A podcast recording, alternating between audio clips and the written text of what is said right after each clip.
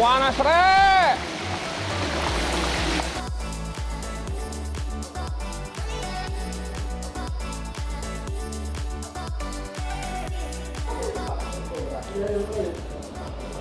Hmm. Ingin makan enak dan murah? Pecel lele bisa jadi pilihan. Digoreng dadakan lengkap dengan sambal dan lalapan dijamin membuat kenyang serta ramah di kantong. Namun di balik kesederhanaannya dibutuhkan kerjasama tim untuk mengolah menu sejuta umat ini. Dan yang tidak disangka-sangka bisnis ini ternyata menghasilkan omset jutaan rupiah setiap harinya. Salah satu pengusaha pecel lele khas Lamongan yang sudah merasakan gurihnya bisnis pecel lele adalah pecel lele rumahan Cak Bodong di Bekasi Timur, Jawa Barat. Dalam sehari omset yang didapat mencapai angka 8 juta rupiah. Atau rata-rata tempat yang sudah eksis sejak tahun 2013 ini mampu meraup lebih dari 200 juta rupiah setiap bulan. Walau menunya terlihat sederhana, dibutuhkan persiapan panjang sebelum sepiring pecel lele tiba di depan Anda. Perjalanan saya sebagai seorang pengusaha pecel lele dimulai di Pasar Baru, Bekasi, Bekasi Timur, Jawa Barat.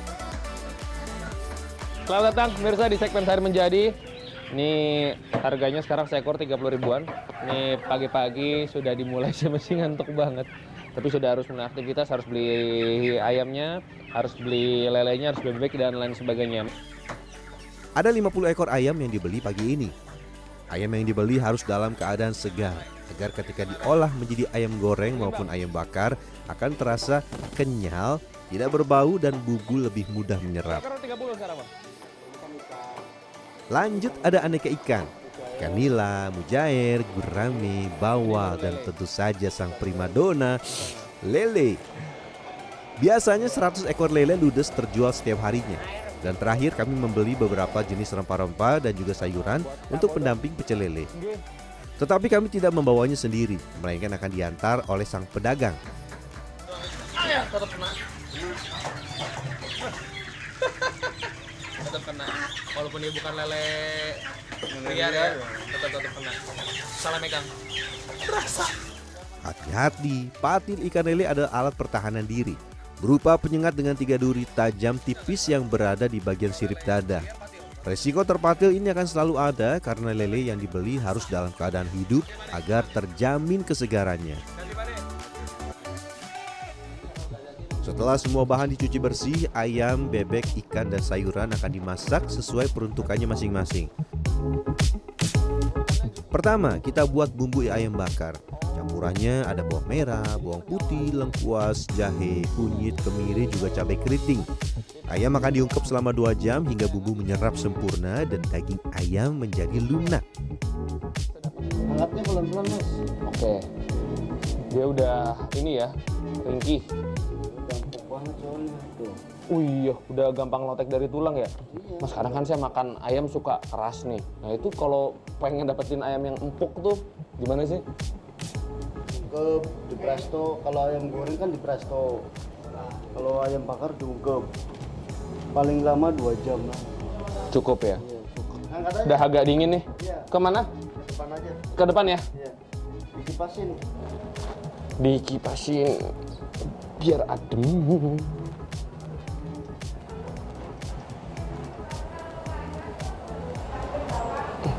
Permisi. Aduh, aduh, aduh, aduh.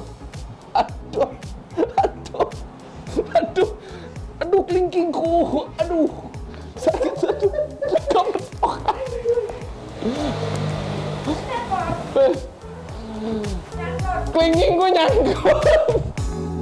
Bumbu yang telah dipakai untuk mengungkep ayam jangan dibuang, tapi dimasak kembali hingga kadar air berkurang dan mengental. Ayam bakar sudah, sekarang kita persiapkan uritan atau jeroan ayam. Bumbu untuk mempresto ayam dan mematangkan ati ampela sama, yaitu campuran ketumbar, bawang putih, kunyit, kemiri, garam, serta jahe untuk menghilangkan bau amis. Saya dikasih tahu abangnya kalau ati ampela ini nih jangan lama-lama, kurang lebih 15 menit aja karena kalau kelamaan dia nggak ada tekstur kenyalnya.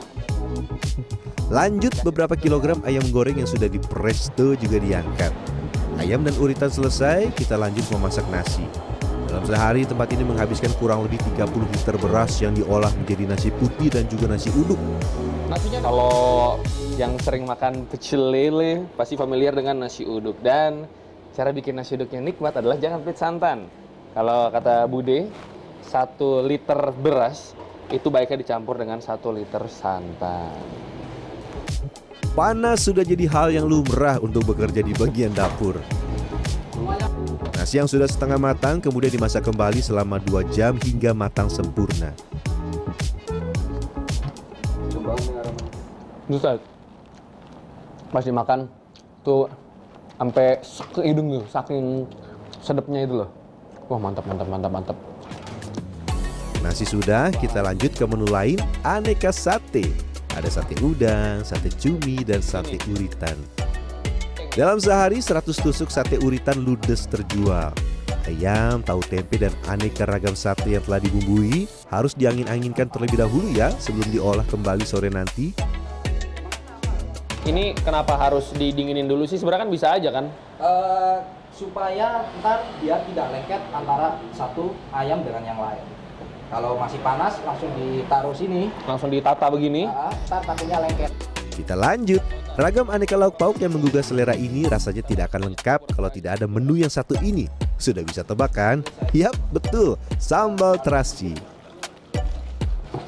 Eits, tapi ada yang harus diperhatikan ya. Tomatnya jangan dimasukkan sekarang.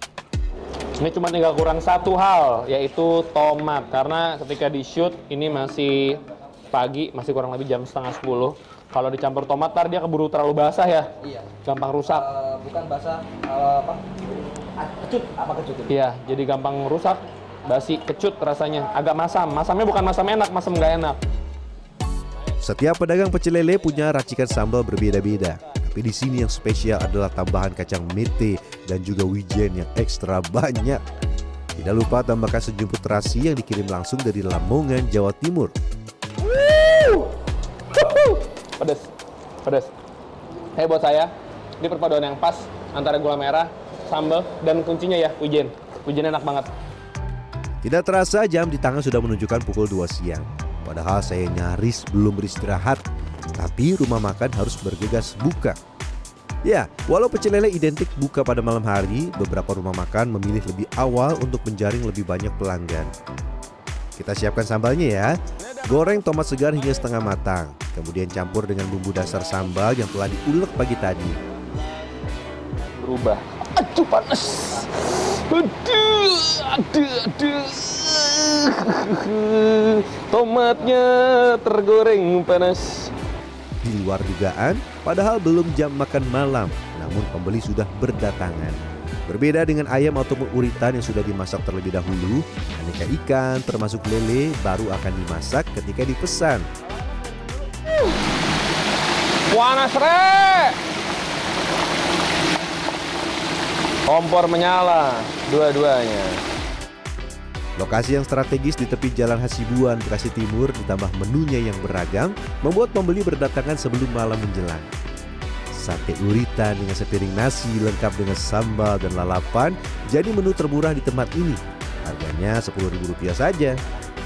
Kalau mau yang menu sultan bisa pesan gurame, harganya Rp50.000. Sedangkan lele per porsi dipatok harga Rp15.000. Buka pecel lele itu ya, stamina aku udah kuat, Pak. Pak. Dari pagi sebelum apa? Ada ada aman aman aman. Tuh kan lagi goreng aja bisa langsung ditambah-tambah dan harus fokus karena push diar. Karena dari pagi tidur kurang istilahnya kan, bukannya sampai malam. Kayak kadang ada yang ganti-gantian. Uh, pakai acara meledos, rek, panas, rek. Duh.